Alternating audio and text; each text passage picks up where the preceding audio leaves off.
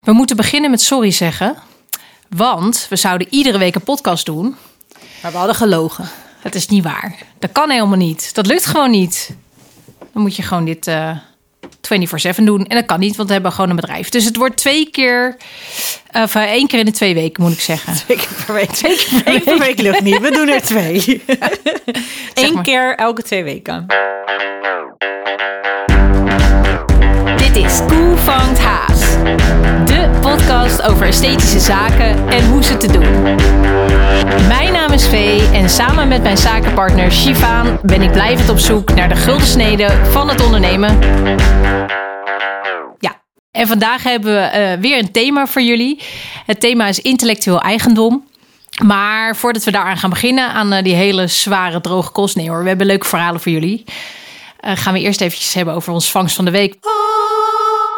Nou, mijn vangst van de week wil ik graag eh, met jullie delen, omdat jullie dat volgens mij allemaal moeten gaan volgen. James Care en eh, Scorpion Dagger is zijn eh, Insta-naam. Nou ja, als ik me dus een beetje under the weather voel, of gewoon een beetje depressief ben, of ehm, licht euforisch, dan kijk ik altijd even bij hem als het niet plotseling in mijn feed verschijnt.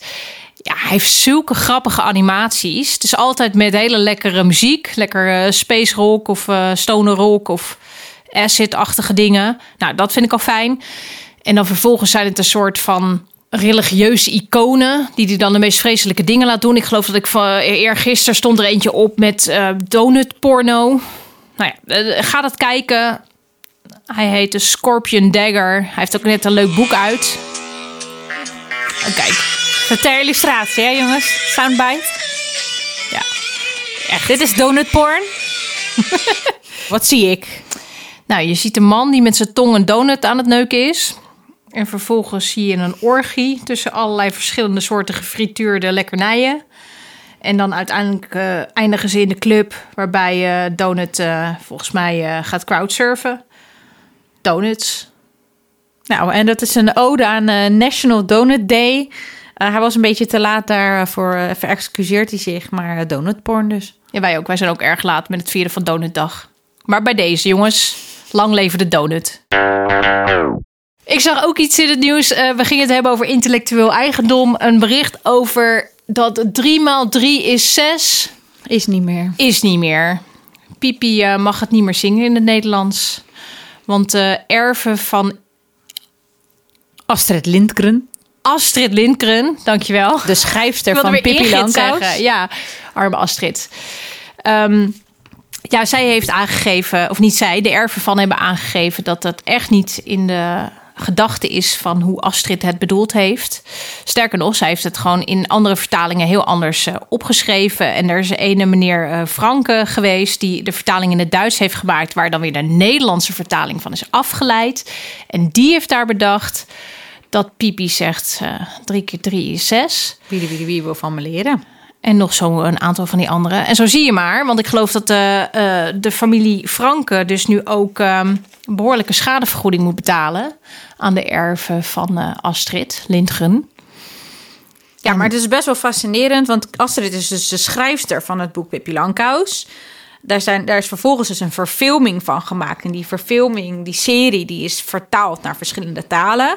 Eh, waarbij zij dus zelf eh, de, de, de titelsong eigenlijk heeft geschreven. En dus ook bij die, in die vorm ook gelijk goedgekeurd van dus de oorspronkelijke Pippi Langkous. En die Wolfgang, die heeft dus vervolgens een vertaling geschreven voor het Duits. Die Wolfgang destijds Franke. Ja. door Astrid zelf is goedgekeurd. Maar dus weer vertaald is naar andere talen. Dus zo is die vanuit Duits naar het Nederlands vertaald. En dat correspondeert dus niet met de, de boodschap van... De kern van Pipi. De kern van Pipi. Dus Ja, dat klopt dus niet. Dus ehm, dat is dus bij deze hersteld. Er is ook een nieuwe, zoals ze dat zelf zeggen, vlotte versie met een nieuwe tekst. Eh, iets met, eh, ze heeft een aapje met, met een naam. En nou goed, we zullen wel de link eventjes in de show notes zetten naar het originele lied en naar het eh, nieuwe lied. Kijk dan. Maar don't fuck with intellectueel eigendom, mensen. Want honderd jaar later, nou iets minder, maar komen gewoon de erven van eh Lindgren achter je aan. En dan moet je gewoon betalen. pannenkoek.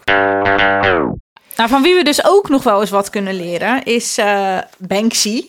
Als het gaat over intellectueel eigendom. Want we waren op een, op een ander interessant artikel gestuurd over zijn zaak eigenlijk met het MOCA. Ja, en met ook meer ja, instellingen en, platforms die zijn werk of haar werk, we weten het niet. Is het de hij of is het haar? Is het het? We don't know. Een soort Jezus, we weten het niet. Maar in ieder geval dat er veel partijen heel graag uh, pronken met het werk van Banksy. Uh, maar Banksy zelf uh, heeft daar wel andere ideeën over. En die heeft geloof ik ook een platform opgericht, PESC, als ik het goed zeg. Wat ervoor zorgt dat als partijen aan de haal gaan met het gedachtegoed van Banksy, dat daar dan een stokje voor, voor wordt gestoken. Maar het MoCA Museum in Amsterdam maakt het wel heel bond. Want die laten dus werk zien van Banksy. Wat Banksy dus eigenlijk niet wil. Vooral ook omdat ze toegangsgeld vragen. Ja, dus daar een soort commercieel is het eigenlijk. En dat, daar is Banksy gewoon niet op tegen. Die wil gewoon dat het voor iedereen toegang, vrij toegankelijk is. En zij hebben ook nog vanwege de coronacrisis... hebben ze dus het werk wat zij van Banksy hadden... hebben ze verkocht om um, ja, financiën vrij te maken... om hun personeel aan te kunnen houden tijdens, de, uh, tijdens corona. Ik geloof dat het om 1,4 miljoen uh, gaat. Dus Banksy heeft ze dus ook nog gered. Terwijl Banksy eigenlijk helemaal niks met ze te maken wil hebben... Dus dat is wel best wel interessant uh, wat daar aan de hand is.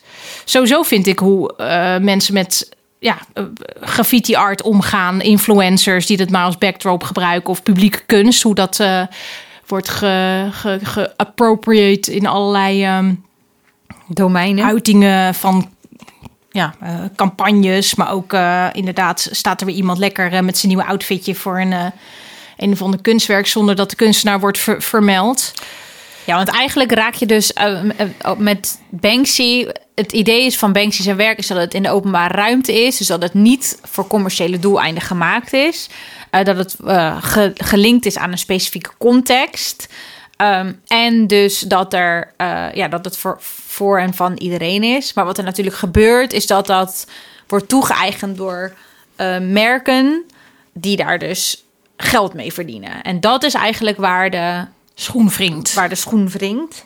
Um, omdat je dan dus eigenlijk een soort licentie samenwerk, een overeenkomst aan moet gaan met de kunstenaar. Want er zit gewoon copyright op het werk wat een kunstenaar Gewoon standaard beeldrecht op. Ja, nou is graffiti een soort rare, raar schemergebied, omdat vaak graffiti illegaal wordt gezet. Ja, um, dus dan ja, eh, kun je dan als maker iets aanvechten als iemand anders dat zich toe-eigent. Nou, dat is een soort schemergebied. Dat is bij Banksy ook het geval, hè? Want daar wordt dus dan weer gezegd van ja, wie is dat dan? Als er geen persoon aan die partij verbonden is, dan hebben we ook niet echt een partij om een conflict mee te hebben. Precies. Ja, ja lachen. Maakt het complex. Ja. Um, maar dus wat er dus gebeurt, is dat, nou ja, stel je bent, weet ik veel, op vakantie in uh, Rotterdam. en uh, je komt langs een, uh, een super gave muurschildering en je wil daarmee op de foto. Je maakt een selfie daarmee. Mag dat of mag dat niet? Nou ja, het mag, maar het zou heel netjes zijn als je daar natuurlijk de naamsvermelding bij vermeldt. En het gaat er vooral, denk ik, om dat op het moment dat je ermee gaat verdienen, dus als privépersoon, dat je gewoon een leuk kiekje maakt, dat, dat, dat is het probleem natuurlijk niet. En dan is naamsvermelding altijd netjes, maar nogmaals, bij graffiti is dat lastig. Uh, of bij andere bij... kunst in de publieke ruimte zonder bordje of iets. Um, maar ja, als je het hebt over bijvoorbeeld een campagne van ja, een merk X, Nike. Ja, die ik Nike, ik ga er naartoe. Ik denk, wow, dit is vet. Locatie scouten. Hier ga ik mijn nieuwe campagne schieten. Ja, dat is hartstikke leuk. Maar dan moet je dus wel mooi betalen voor, aan diegene die die, uh, die die uiting heeft gemaakt in die, in die ruimte. En of dat nou een tag is of een, uh, of een hele figuratieve afbeelding... of een hele straat, uh, Wimwood-achtige toestanden. Ja, dat wordt een dure grap. Maar er wordt toch weinig ge, geprocedeerd door makers. Maar ja, dat komt natuurlijk vaak omdat een Nike of een Zara of uh, weet ik veel wat grote merken, die hebben natuurlijk een enorme PR of uh, juridisch kanon. Ja, dat, dat kan je tegen procederen tot je, tot je een ons weegt. En jij bent dan helemaal leeggetrokken. En zij trekken toch altijd aan het langste eind. We zien bijvoorbeeld in onze praktijk wel eens dat er een kunstwerk wordt gemaakt. En dat dan de opdrachtgever denkt: Oh, leuk, die doe ik ook even in mijn huisstijl. Want het is nu toch van ons. Dus dan kunnen we dat mooi even als sausje overal overheen gooien. Is geen probleem, toch? Uh, dat kan toch gewoon? En dan moeten wij altijd weer zeggen nee. Dat kan niet. Er moeten aanvullende afspraken over worden gemaakt. Ja, want ik heb uh, even een beetje geresearched, maar we hebben het dus over het stoffelijke deel en het niet-stoffelijke deel. En het stoffelijke deel houdt in, zeg maar, Van het fysieke werk. Van, ja, van Mhm. intellectueel eigendom. Dus het fysieke werk. Dus eh, laten we zeggen, het schilderij in het lijstje. En als je daar dus een huisstijl van zou willen maken, dat is dan een ander verhaal. En eh, jij koopt dus alleen maar het stoffelijke deel. En het niet-stoffelijke deel, dus de creatie, het idee, het gedachtegoed, daar, dat blijft altijd bij de maker. Dat is gewoon van de maker. Dus als je daar weer wat nieuws mee wil, dan moet je daar dus opnieuw afspraken over maken. En dat gaat dus inderdaad over geld, maar ook gewoon over die afspraak van wat kan er wel, wat kan er niet. En dat eh, vinden, vinden ze allemaal heel lastig. Dat is net alsof je, als je ze dat vertelt, dat je, nou ja, alsof je ze krenkt in hun, in, in hun ziel. Maar het is gewoon de wet, mensen. Stel je zo aan, de rode wet. Is gewoon, eh, Ja, maar dus dus wet artikel is 5. De wet is best complex, want het voorziet wel in eh, auteursrecht, eh, in basis intellectueel eigendom. Maar ja, eigenlijk is ieder scenario is weer anders. Iedere beroepsgroep heeft weer andere uitdagingen. Zo is voor een grafisch ontwerper zitten er weer andere haken en ogen aan dan bijvoorbeeld het werk wat wij doen. Ehm, Ja, bij de architect is het ook weer anders. Gewoon een gebouw mag je gewoon altijd op de foto zetten. In die context van het gebouw in de publieke ruimte. Heb ik gisteren gelezen.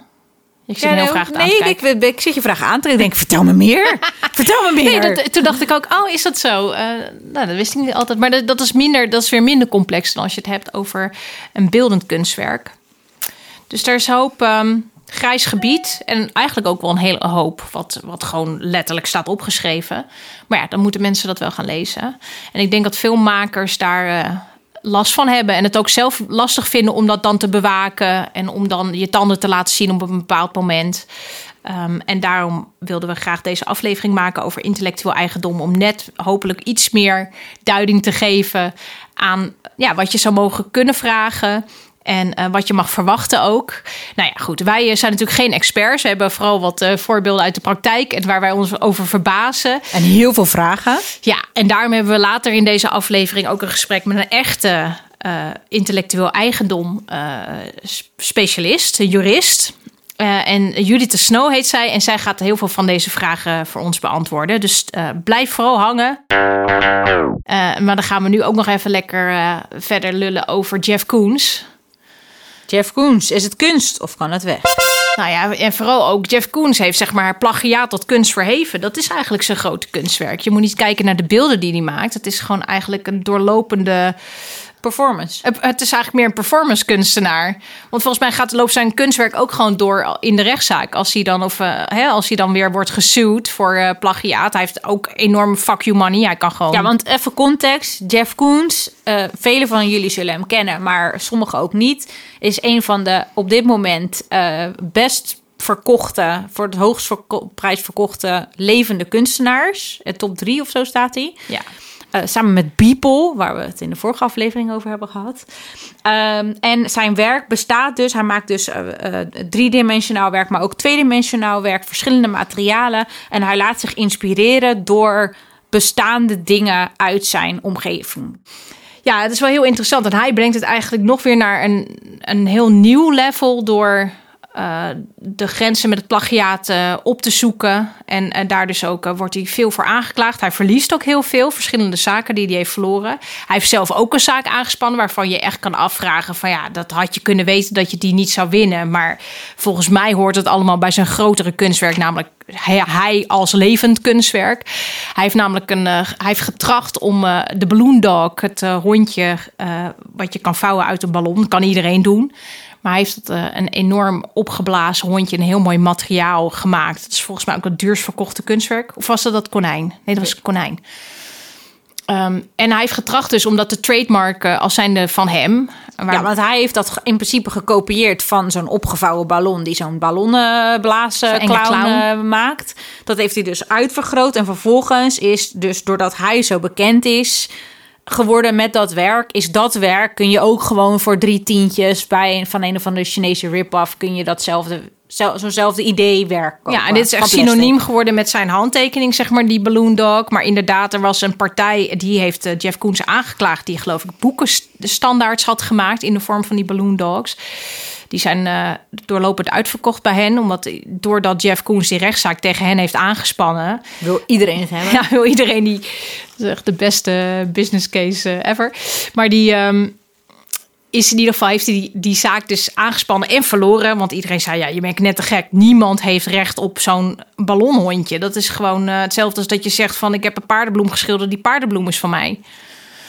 Ja, het is gewoon common goods. Dus eh, dat is onmogelijk om dat daar patent op te hebben. Ja, maar er zijn zoveel mensen die hem gewoon niet respecteren... en die hem echt haten, Jeff Koons... om wat hij uitspookt met die ready-mades. Dus is dat dan kunst of kan het weg?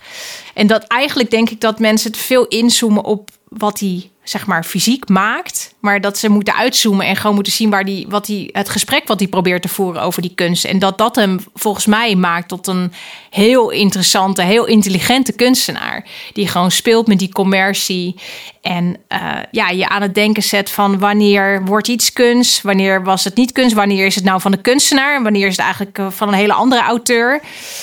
Uh, ik vind hem echt een fantastische man in zijn tijd. En zeker ook als je kijkt dan, of uh, gewoon naar de kunstgeschiedenis, hoeveel kunstenaars er dan worden verguisd te, he, bij leven. Terwijl hij heeft het niet zo slecht, want hij is natuurlijk de best verkopende kunstenaar. En anyway, hij wordt behoorlijk verguisd. Ja, dat is toch vaak ook wel echt een teken van dat we uh, van doen hebben met een, een visionair. Iemand en ook van hem zijn weer een hoop mensen die dan weer hem nadoen. Waar we wel uh, regelmatig uh, kunstenaars van tegenkomen waarvan je zou kunnen denken van ja, ben je nou gewoon Jeff Koons aan het nadoen? Is dat dan erg? Ja, want het is eigenlijk meer een soort ontwerpmethode dan die die op heeft gezet, bij wijze van spreken. Ja, en natuurlijk onderzoek naar materialen en naar uh, kunsthistorie en ja, maar er zit echt wel een heel gelaagd verhaal in. Maar, maar, dus? Je moet het wel kunnen zien. Ja, is het kunst of kan het weg? Ik zeg, uh, het is ontzettend... Uh, het, het, is gewoon hele belangrijke kunst. Kan absoluut niet weg. Al die mensen die uh, dit over 100 jaar horen... die gaan ook zeggen, ja, ze hadden gelijk daar. Nou goed. yes, we hebben eindelijk Hele gelijk. obscure kunstenaar. Eventjes gerecenseerd. Jeff Koens, mensen, onthoud die naam... maar gaat het nog verschoppen. Nee, maar... Weet je nog toen we nog niet zo heel erg lang met Artemis bezig waren, dat we zelf ook zijn aangeklaagd. Of tenminste, ja, gedaagd. onze naam. Wat was dat? Wat was het? We kregen een brief. Hoe ging het? We, we kregen een brief. moesten per direct onze naam opzeggen. Of tenminste, mochten we niet meer hanteren van deze partij. Ja. Die hadden een soortgelijke naam. Maar ik was zo slim geweest om bij het BOIP, Benelux Merkenbureau, nou, ik, de afkorting uh, iets in de show notes. Kijk dan. Daar kan ik altijd naar verwijzen als ik het weer, uh, weer eens niet weet. Ja. ik ben er zo Ga slecht het in. op zeggen of niet? Ja, Ja. Oh, je, V weet het weer eens niet, maar Ja. BOIP. BOIP. Ja, en daar kun je dus je merknaam deponeren en je beeldmerk. Oké. En ik heb toen dus we eerst getracht- begonnen, toen dachten we, we gaan een merk neerzetten. Dus merknaam deponeren. Dus een van de eerste dingen die ik heb gedaan namens ons is arttenders deponeren. Tenminste getracht. Alleen we kregen het bericht terug van ja, hartstikke leuk dat je het wil, maar het zijn gewoon twee eigen namen. Je plakt het aan elkaar, dat is geen merknaam. Dus uh, Toedeledoki, wel even afrekenen alsjeblieft, 300 euro, dan weten jullie dat. Ehm, maar beeldmerk? beeldmerk heb, heb ik volgens wel gedeponeerd. Oké, jongens, niet ons logo kopiëren. Krijg je een lawsuit. Dus, maar er allemaal over nagedacht, uitgewerkt en uh, gelijk uh, goed geregeld. En toen kwam er een of andere pannenkoek van links die zei van... Uh, hallo, ik heb die naam al langer dan jullie. En ik was een galerietje of zo. God, ik heb een galerietje. Nee, dat, het bedrijf heette Artender Avenue. Artender. Gaan we dat zeggen? Ja, ja toch? Dat lijkt toch, nou ja, dus lijkt het op elkaar of niet? Artenders, Artender. Nou ja, klinkt als anders geschreven. Ja. Um, en ik had gelijk zoiets, en jij ook, van... Uh, nou, we weten dat het uh, de eigen naam is. Dus good luck with that. Als je ons daarover wil gaan suwen, dan uh, nou, dat knap als je, als je dat lukt. Daar, en daarbij hadden we ook zoiets van... Uh, je mag blij zijn dat je van onze traffic kan profiteren. Want we hadden best wel goede SEO op onze website. Dus als we ons dan per ongeluk via hem of he, iets verkeerd zouden tikken en dan bij hem terecht zouden komen, zou die er ook nog business van kunnen krijgen. Dus ik zag niet echt het probleem voor de beste man. Het was een man. Uh, en ik geloof dat onze jurist zei: joh. Uh, wil je anders even met. Uh, normaal is het zo dat we met elkaar in gesprek gaan. En heb ik echt gezegd: Nou, sorry hoor, daar hebben we echt geen tijd voor. Het is gewoon bullshit. Het is gewoon. Nou ja, en dat, het was bullshit om verschillende redenen. Dus we hadden al geprobeerd om het te deponeren. Het was ondeponeerbaar. Dus Want wie heeft er dan het meeste recht op het woord art en op tender? Wij. maar goed. En uh, we hadden dus de, dat. Uh, we konden aantonen dat we hadden getracht om het te deponeren. En dat dat dus niet kan. Um, ja, en ik heb nog gezegd, want arttennis komt van het woordgrapje. Bartenders, we zijn arttennis, we serve art. We dienen de kunsten. Maar dat ging we er ook niet in. ook geen humor. POIP. Ja. ja. Nee, nee. goed. Anywho, dus uh, ja. Maar toen, hoe we dat dus hebben opgelost... en dat is echt de gouden tip van vandaag... is een rechtsbijstandverzekering. Rechtsbijstandverzekering. Dus ben je een ondernemer... Neem een rechtsbijstandverzekering. Ja, en ben je ook een maker. Ja, dat is gewoon heel fijn. En ook even om rugspraak te hebben. Dat heeft ons al meerdere keer heel goed geholpen. En uh, zeker in dit geval ook van ja, hoe zit dat dan? Wat kunnen we dan verwachten? Hoe moeten we dit aanpakken? Kunnen we het negeren? Er was een brief van per direct nu neerleggen. Uh, alle activiteiten met deze naam. Nou ja, daar schrik je toch wel even van. Want uh, ik wist niet zeker of, uh, of dat zou moeten. Je hebt wel eens iets met een klok en een klepel. Dat je dan in de krant leest van dat uh, een partij zijn naam heeft moeten aanpassen. Of dat je denkt, nee, alles ervoor bedacht. En misschien is dat wel zo. Maar al vrij snel kwamen we erachter dat het niet zo was. En ook een beetje boerenverstand helpt ook. Maar um, nou ja, wat Shivaan zegt. Rechtsbijstandverzekering. She what? Doe het. Goedkoop is duurkoop. Tijdens onze aflevering over intellectueel eigendom hadden we natuurlijk zelf eh, best wel wat vragen. Want ja, we weten veel, maar we hebben ook eh, door schade en schande veel geleerd. Dus uh, hebben we ons voorgenomen om ons goed te laten informeren door een expert. Dus vandaag bij ons in de studio voor de categorie huh? Wat zegt ze? Hebben we uitgenodigd Judith de Snow. Uh, zij is uh, Global IP Council bij Polaroid. Uh, we hebben nog samen geknikkerd uh, vroeger. Uh, want we hebben met elkaar op de middelbare school gezeten. Dus we kennen elkaar al heel lang. en misschien een leuk feitje. Toen wij, Vee en ik, net met Artenders begonnen... hadden we ook echt geen flauw idee... wat we allemaal contractueel vast moesten laten leggen. dus toen hebben we Judith's hulp ook ingeschakeld... om, ons, om ervoor te zorgen dat we niet de meeste domme IE-fouten maakten. Judith, welkom! Dank jullie wel. Ja, we zijn natuurlijk heel... Een uitnodiging voor het eerst dat ik een podcast doe. Nou, te gek. We voelen ons vereerd. We weten dat je het echt een rammend druk hebt. Dus we vinden het heel tof dat je, dat je tijd voor ons hebt kunnen maken. Hey, heel kort. Eh, wie ben je, wat doe je en hoe ben je hier terecht gekomen? Uh, ik ben Judith. Uh, ik heb uh, in het verleden als advocaat gewerkt. Ik ben gestart op een groot kantoor in Amsterdam. Daar heb ik een aantal jaar met heel veel plezier gewerkt. Uh, toen werd ik toch wel nieuwsgierig hoe het bij een wat kleiner uh, advocatenkantoor er uh, aan toe zou gaan. Toen heb ik de switch gemaakt naar een nichekantoor. Um, daar was ik gespecialiseerd in het intellectueel eigendom. daar heb ik ook een aantal jaar ge gewerkt voor, voor grote namen zoals Red Bull, Louboutin. Um, ook met heel veel plezier gedaan. Maar het ging toch, uh, het, het, het werken met alleen advocaten, dat, uh, ja, dat ging toch wel kriebelen. Van hoe zou het zijn om uh, wat, uh, met wat andere type mensen te werken. Toen, precies op dat moment dat ik daarover na aan denken was, werd ik gebeld door een oud collega die werkte bij Polaroid. op dat moment ehm, nog in de startblokken. Uh, en die zei, ja, wij zoeken eigenlijk iemand die uh, ons wil helpen bij het intellectueel eigendom. En uh, nou, dat leek me wel wat. In Amsterdam met creatieve mensen werken voor een heel, heel cool merk. dus daar werk ik nu sinds twee jaar. Ja, heel tof. Nou, we gaan zo meteen nog iets uh, dieper in op uh, hoe dat dan is om uh, bij een groot bedrijf zoals Polaroid te werken. maar we willen eigenlijk gewoon beginnen bij het begin. Ja. want intellectueel eigendom is natuurlijk van alles en nog wat. Maar ja, intellectueel eigendom voor dummies, waar begin je? Ja, wat is intellectueel eigendom eigenlijk?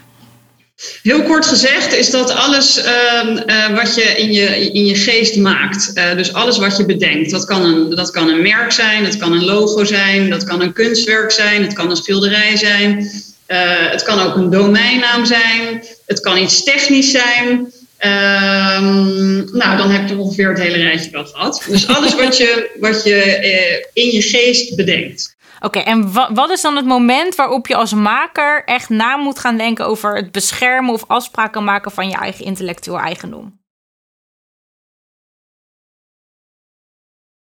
Vanaf eigenlijk het allereerste eerste moment. Uh, niet alles kun je beschermen. Dat is een, vaak een misvatting. Mensen denken, oh, nou, alles wat ik maak, uh, daar, daar rusten intellectueel eigendomsrechten op. Dat is niet zo.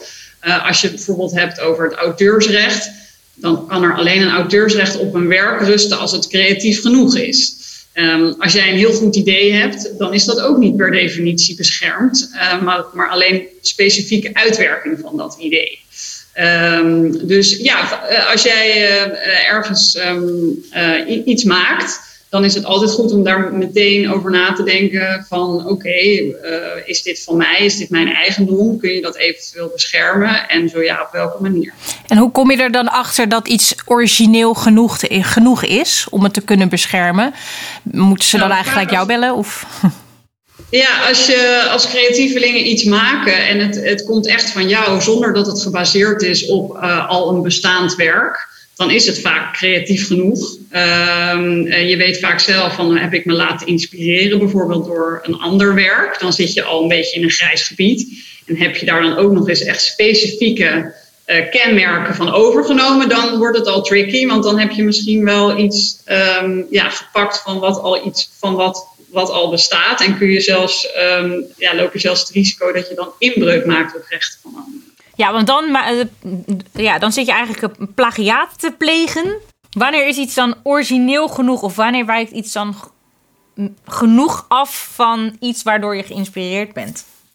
Ja, je, je hebt dus eigenlijk de eerste vraag: is, het, is jouw werk creatief genoeg? Als je bijvoorbeeld een, een lijntje trekt, of het is iets heel banaals, een cirkel, mhm. dan, dan is het heel. Het, het is heel snel dat het creatief genoeg is. Maar als het heel banaal is, dus inderdaad gewoon alleen een cirkel of een streep, dan zeggen we nou, dat komt niet in aanmerking voor auteursrechtelijke bescherming. De tweede vraag is, is het echt van jou of heb je inderdaad uh, elementen van een ander werk gepakt? Uh, en heb je dat ja, zodanig gedaan dat je dus eigenlijk inbreuk maakt op de rechten van, van iemand anders. Maar je hebt al heel snel uh, auteursrecht op jouw werk. Dus het hoeft niet, een rechter gaat niet kijken van, oh ja, die, die vraagt misschien welke keuzes heb je gemaakt. Uh, en als je dat kan uitleggen, nou, ik heb daarvoor, ik heb voor die kleur gekozen, ik heb voor die vorm gekozen, ik heb voor dit materiaal gekozen, dan is dat vaak voldoende. Oké. Hey, en uh, je zegt net, uh, vaak als iets heel banaal is, dan ben je niet auteursrechthebbende. Ik moet gelijk denken aan die banaan van, wat was het, twee jaar geleden, die dan met tape aan een uh, wand geplakt was en daardoor ineens uh, super authentiek was. Het is een beetje in de categorie het, toilet. Ik signeer een toilet. Of een balloondog van Koen. Gaat het dan ook om dat je dat dus dan soort in die setting als eerste doet? En is het dan daarmee van jou? Ook dat is een creatieve uiting. Dat had natuurlijk ook wel te maken met de naam van de kunstenaar. Dus als jij uh, die naam hebt, dan uh, ja, is het al eerder dat mensen denken: Goh, dat is origineel. dus als ik het zou doen, nou, misschien minder grote kans dat het dan auteursrechtelijk beschermd zou zijn. Maar ja, inderdaad, het kan ook voor het eerst zijn waardoor het creatiever wordt. Ja, zeker. Ja, Hey, wat we ons ook nog afvroegen, uh, wat vroegen wij ons af, maar dat was toevallig ook een lezersvraag die we kregen via onze oproepen voor uh, vragen over intellectueel eigendom. Uh, en die kregen wij van Marco Lamboy, een van onze trouwe luisteraars van het eerste uur. en die vroeg zich af wat het verschil is tussen een trademark en copyright. Dat is een, dat is een goede vraag. Uh, eigenlijk is het doel van allebei de rechten hetzelfde, namelijk het voorkomen dat iemand anders jouw merk of werk gebruikt. Dus het doel is hetzelfde, maar het onderwerp is anders. Dus uh, het auteursrecht rust op um, creatieve werken, zoals schilderijen, boeken, teksten, ehm, illustraties bijvoorbeeld. Ehm, dat is het auteursrecht. Dus het onderwerp is daarvan uh, ja, creatieve werken, uh, literaire werken. Het merkenrecht rust op namen, logo's, ehm, waaronder jij je product of dienst aanbiedt. Dus wij verkopen camera's onder ons Polaroid-merk. Um, Fuji die verkoopt hun camera onder het Fuji-merk. Dus dat is een, een ja, manier om jouw product te onderscheiden van producten van anderen. Dus het is eigenlijk een herkomstaanduiding. Dus als mensen ons logo zien, dan weten ze: oké, dat product is afkomstig van Polaroid. Dus dat het onderwerp is anders van die twee rechten. Okay, dus het verschil is ook dat auteursrecht dat uh, ontstaat op het moment dat jij je werk maakt. Daar heb je geen registratie voor nodig. Uh, het merkenrecht moet je inschrijven. En daar betaal je ook voor. Uh, dus dat is echt een registratie. Dus ook zeg maar de vastlegging van beide rechten verschilt. Oké, dus als ik het goed begrijp, dan heeft dus een trademark betrekking op het merkrecht en uh, copyright betrekking op het auteursrecht. Klopt. Okay. Ja. En de, fun de functie van beide rechten is hetzelfde, want jij wil voorkomen dat iemand anders jouw werk gebruikt. Uh, en dat geldt ook voor onze merken. Wij willen voorkomen dat er iemand anders ook een Polaroid-merk ja, we hebben natuurlijk nog echt superveel vragen. En we kunnen volgens mij uren vol kletsen over uh, intellectueel eigendom. Uh, waar wij heel vaak tegenaan lopen, uh, gaat over eigenlijk zo simpel als naamsvermelding. je zou denken dat soort, het soort 101 van ja, als je een afbeelding gebruikt van iemand, dan zet je daar iemands naam bij. Dat gebeurt heel vaak niet, waardoor dus heel veel makers eigenlijk soort vervallen in anonimiteit nadat hun werk op een manier visueel gedeeld is. Hoe kan je dat bestrijden als maker? Wat moet je dan doen? Nou, het, uh, het, het, handigste is om dat contractueel vast te leggen. Dus ook, uh, je hebt eigenlijk een keuze. Als jij iets maakt uh, en iemand anders wil dat gebruiken, dan kun je opzeggen van nou, jij krijgt alle rechten. Je mag ermee doen wat je wil. Uh, voor, voor altijd, het is jouw recht, succes ermee. Je kan daar ook op voortborduren, je kan er werken op baseren, je mag het aan anderen verkopen. Je kan ook zeggen, ik wil dat jij het maar eh, een half jaar gebruikt voor dit specifieke doel. Dan geef je eigenlijk toestemming voor het gebruik van jouw werk. In beide gevallen hou je die naamsvermelding. Dus als jij een licentie verleent, dan moeten zij jou ook als maker vermelden. Als jij je recht helemaal overdraagt, heb je, hou je ook dat recht op naamsvermelding. Om discussie daarover te voorkomen, ja, leggen wij in onze contracten altijd vast dat, dat een auteur altijd wordt vermeld waar mogelijk. En, uh, maar ja, soms gaat iemand gewoon daarmee aan de haal. Uh, en we leven natuurlijk ook in de, de tijdperk van het wereldwijde web.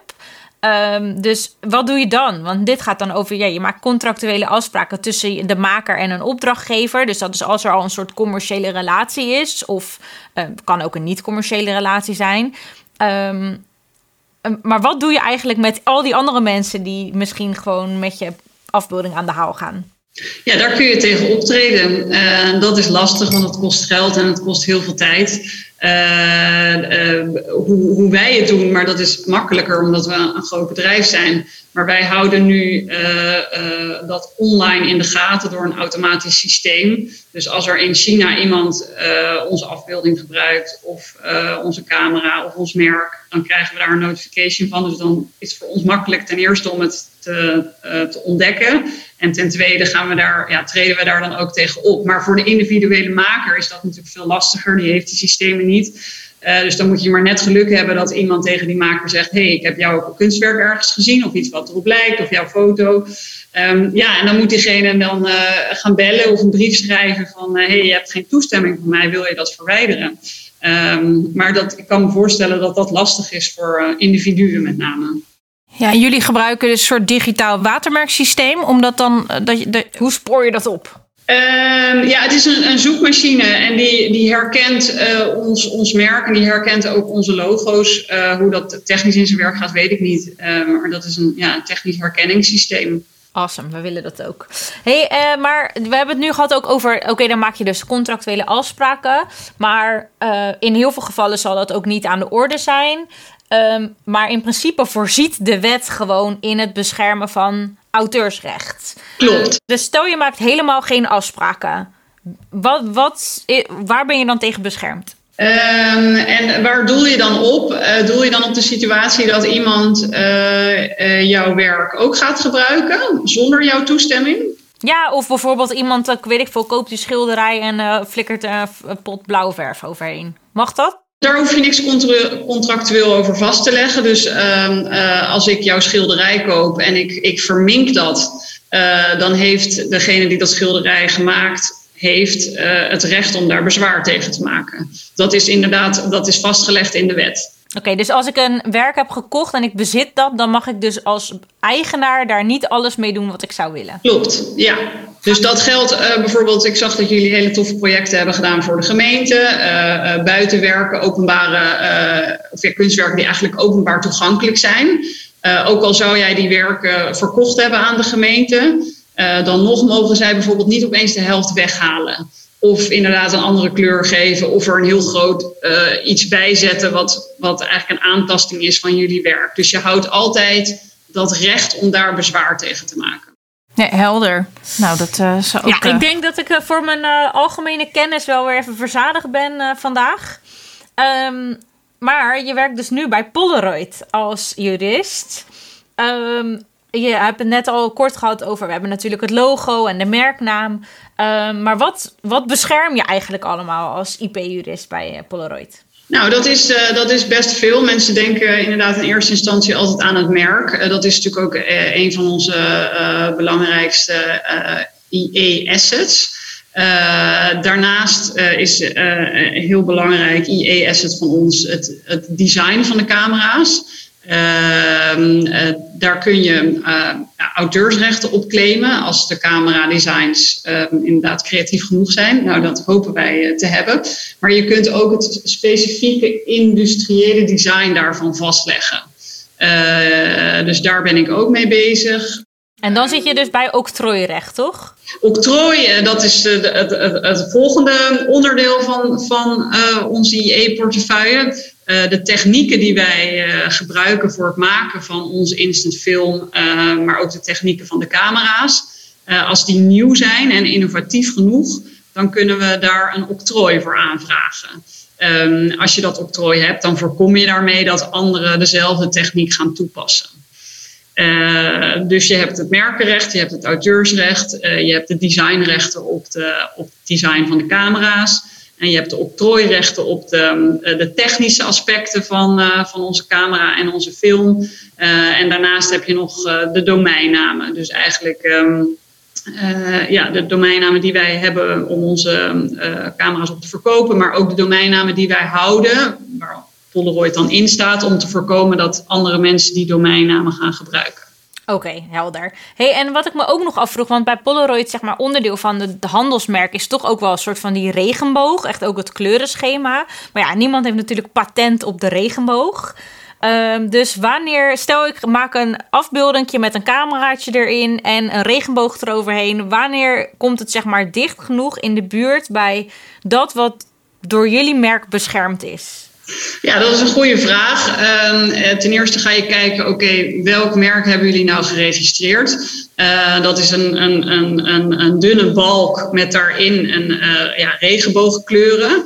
Ehm, als iemand alleen regenboogkleuren gebruikt voor producten die helemaal niks te maken hebben met de producten die wij maken, dan mag dat. Regenboogkleuren moeten vrij zijn voor andere mensen om te gebruiken. Maar als het nou uh, ook in die balkvorm wordt gebruikt en het wordt ook nog eens gebruikt voor producten die ofwel hetzelfde zijn, ofwel heel erg op onze producten lijken, dus dat ze echt wel in de buurt komen van, uh, van onze producten, ja, dan, dan heb je wel een probleem. Wat ik me nog meer afvroeg, want ik, je, uh, je, ter voorbereiding op ons gesprek stuurde je een hele toffe samenwerking door met Keith Haring. jullie hebben net een collectie camera's en foto, hoe zeg je dat? Drukdingen. Hoe noem je dat? Cartridges? Ja, veel noemen we dat. Ja, dus eh, de, zeg maar de on, on uh, afgedrukte foto's noemen we film. En als er dan iets uitkomt, noemen we het een foto.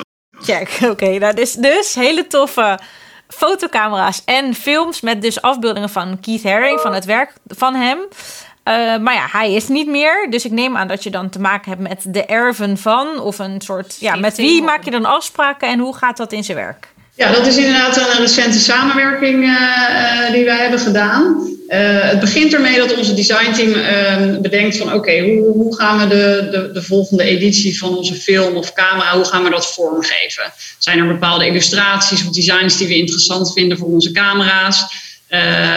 Wat, wat, we ze inmiddels hebben uitgelegd is dat je dan dus niet zonder meer een gewoon een bestaande illustratie op je camera kan plakken. Dat je altijd even moet uitzoeken van, goh, heeft daar iemand uh, nog rechten op? um, dus in dit geval uh, uh, ja, hebben wij de Keith Haring Foundation eh, benaderd voor een samenwerking. Eh, dat is inderdaad de stichting die de, die de belangen van Keith Haring behartigt. Um, en dan ga je eens praten van ja, wat, of, of het aansluit ten eerste, zo'n samenwerking bij, bij ja, de, de um, de, de dingen die zij nastreven, past dat bij, bij onze brand en andersom? Nou, dat blijkt dan een match te zijn. Um, dan ga je het hebben over, oké, hoeveel camera's gaan we maken? Gaan we ook uh, film doen? Nou, in dit geval uh, was dat zo. En dan ga je eigenlijk samen naar design kijken. Uh, is dat voor, voor beide kanten is dat werkbaar? En dan, um, dan maak je afspraken over ja, wie, wat zijn de verkoopkanalen uh, ja, wat, is de prijs uh, die, die we daarvoor mogen vragen? Wat, wat is de, ja, dus commerciële afspraken, maar ook de afspraken over het intellectueel eigendom. Um, dus inderdaad, Keith, Haring Keith Haring slogans, mogen we die gebruiken? Op welke kanalen? welke illustraties mogen we wel gebruiken, welke illustraties niet? naamsvermelding is inderdaad een hele belangrijke. Ehm, ja, dus dat, dat zijn aspecten waar je dan rekening mee moet houden. En als ik het heel goed begrijp, dan heb je dus, maak je dus niet alleen afspraken over het product zelf, namelijk dus de camera en de film, maar ook echt over bijvoorbeeld uh, gebruik op social media van archiefbeelden. En dus dat leg je eigenlijk leg je bij per beeld vast. Oké, ja, dit zit in de package. Nee, dit zit ja, niet in de package. Zeker. Ja, en ook de fotografie die we van Keith Haring gebruiken. Daar, uh, uh, ja, daar maak je ook afspraken over welke foto's mogen we gebruiken en welke niet. Hey, en ik zag dat in jullie uh, communicatie of in de afbeeldingen dat je niet alleen foto's gebruikt die dus uh, waar de rechten van de foundation zijn, maar dat ook sommige afbeeldingen bij weer uit een ander archief komen. verloopt dat dan via die foundation of moet je dan met al die verschillende partijen die dus die copyright hebben over die afbeeldingen aparte afspraken nog maken? in dit geval hebben we dat allemaal via de foundation kunnen regelen hey, maar dit is natuurlijk een soort luxe positie. Want uh, ja, jullie zijn een bedrijf en je hebt direct met die foundation geschakeld. Maar wat je natuurlijk steeds uh, uh, ja, best wel vaak terug hoort in het nieuws... is dat grote bedrijven zoals bijvoorbeeld een Zara of een H&M aan de haal gaan met illustraties van makers... die ze vinden via social media of whatever... en eigenlijk daar hun collectie op baseren... Uh, nou ben jij het geweten van Polaroid en zeg jij uh, dat, dat kan je niet zomaar doen, jongens. Uh, terug naar start. maar zulke grote bedrijven die doen dat eigenlijk nog steeds. En die makers die hebben eigenlijk soort geen kans van slagen om tegen die. Goliath. Ja, ja, tegen die juridische kanonnen op te wegen, zeg maar. Stel zoiets overkomt je. Wat, wat doe je dan als maker? Ja, ik, ik, ik kan toch geen ander advies geven. Win goed advies in. Uh, ja, bouw een netwerk op van mensen die je daarbij kunnen helpen. En hopelijk zitten daar dan ook uh, advocaten of adviseurs tussen die, uh, die dat willen doen eh, zonder dat ze de hoofdprijs vragen. Wij zeggen eerder in de aflevering: neem een rechtsbijstandsverzekering. Dat heeft ons in ieder geval enorm geholpen. En... Ja, en behalve rechtsbijstand heb je natuurlijk ook brancheverenigingen. Uh, die, die soms ook uh, juridische ondersteuning bieden. Dus dat zou ook nog een oplossing kunnen zijn. Ja, want dat is maar echt als je bijvoorbeeld in de grafisch ontwerper bent. Daar zitten echt uh, die brancheverenigingen die verstrekken best wel veel advies ook omtrent afspraken voor juridische, ja, juridische afspraken met opdrachtgevers. Uh, dus dat is inderdaad een uh, supergoeie tip. We weten dat sommige makers waar we mee werken daar ook uh, veel gebruik van maken. Uh, helaas passen wij niet in een doosje, dus uh, bestaat er nog geen branchevereniging voor wat we doen. Maar we zullen er ooit een oprichten, jongens. hey, uh, tot slot. Je stuurde ook een website door, die heet One Time Run. Ik ging er naartoe om te kijken wat het allemaal is. Ik werd gelijk super hebberig, want een aantal kunstenaars die wij heel tof vinden, zoals Wayne White, -huh. die hebben daar ook gelimiteerde oplagen. Uh, maar het is dus een website waarin waar gelimiteerde oplagen van kunstenaars worden verkocht. ehm, en jullie, Polaroid heeft daar een samenwerking mee. Wat moet ik me daar in godsnaam bij voorstellen? Ja, ik had het aan jullie gestuurd omdat ik natuurlijk ook meteen aan jullie moest denken. Dus de, de manier waarop we dat hebben gedaan, dat lijkt ook wel een beetje op de manier waarop jullie eh, met dit soort projecten omgaan. Uh, dus wat wij eigenlijk doen is dat wij een, een, een aantal camera's aan um, One X-Run verkopen. Uh, dus het is een business-to-business -business, deal. Um, uh, ze zijn eigenlijk een online gallery en verkopen inderdaad in beperkte oplagen uh, kunstwerken. Maar dus ook meer commerciële producten zoals onze Polaroid-camera's. Um, ze hebben ongeveer 15 artiesten geselecteerd die uh, een ontwerp mochten aanleveren voor onze Polaroid-camera. Daarvan zijn er uh, vijf uiteindelijk geselecteerd. Um, en nu komen er dus op die online gallery um, vijf verschillende refurbished Polaroid camera's met, met hun ontwerp daarop. Super tof. En krijgen dan die makers ook in het ontwerpstadium al uh, vergoeding? Nou, over de commerciële afspraken kan ik uh, loslaten. Maar wat wel, dat is ook wel interessant, uh, even maar als je het hebt over de relatie. Wij hebben ook geen rechtstreekse relatie met, uh, met de artiesten. Dus eigenlijk net als uh, wat jullie doen voor de opdrachtgevers. Jullie maken de afspraken met de artiesten en met de, met de, uh, met de makers. En jullie hebben alleen een, um, uh, ja, de, de, commerciële afspraken hebben wij gemaakt met 1, X-Run. En waar we hebben gezegd van jullie maken alle afspraken met de artiesten. Dus dat is volgens mij ook vaak hoe dat bij jullie gaat. Ja, ja klopt. Ja, oké. Okay, nou, super interessant. Oké, okay, en wanneer komt dat uit? Uh, dat, uh, dat hou je nog te goed. De, de exacte datum, uh, die, die weet ik niet. Maar anytime soon. Oké, okay, nou jongens, dus zodra die live is, zullen we hem delen op onze, op onze Insta. zodat jullie weten waar jullie de gelimiteerde Polaroid kunnen verkrijgen. Vangt haas? Misschien wordt het super tof. Misschien zijn ze wel alle vijf knetten lelijk. We weten het nog niet. Maar we, we, zullen ons oordeel met je delen zodra het er is. Nee, uh, ja, ik ben wel. Heb jij nog Enlightened. Nee, ik, uh, ik ga het ook nog een keertje terugluisteren. Want ik wil het eigenlijk gewoon uit mijn hoofd kennen, al deze informatie. Dus heel erg bedankt dat we je brein mochten plukken. Ehm, ik hoop dat we inderdaad interessante inzichten bieden aan onze luisteraars. En ik hoop ook dat jij het leuk vond om hierover te vertellen, Judith. wij hingen in ieder geval aan je lippen. Dus heel erg bedankt voor je, je tijd. Je kon het niet zien, maar het was echt waar. Ja. Succes met uh, alle volgende opnames. Uh, hartstikke mooi dat jullie dit doen. Uh, dat is de nieuwe toekomst. En nou, wie weet, laat ik me nog een keer verleiden. Ja, ja, ja. Na deze wil je nooit meer iets anders, Judith. iedere podcast belletje wat je krijgt. Ja, doe het. Ik doe het. Dit is Cool Found Haas. Geproduceerd door Artenders, muziek en editing door Joost Kroon.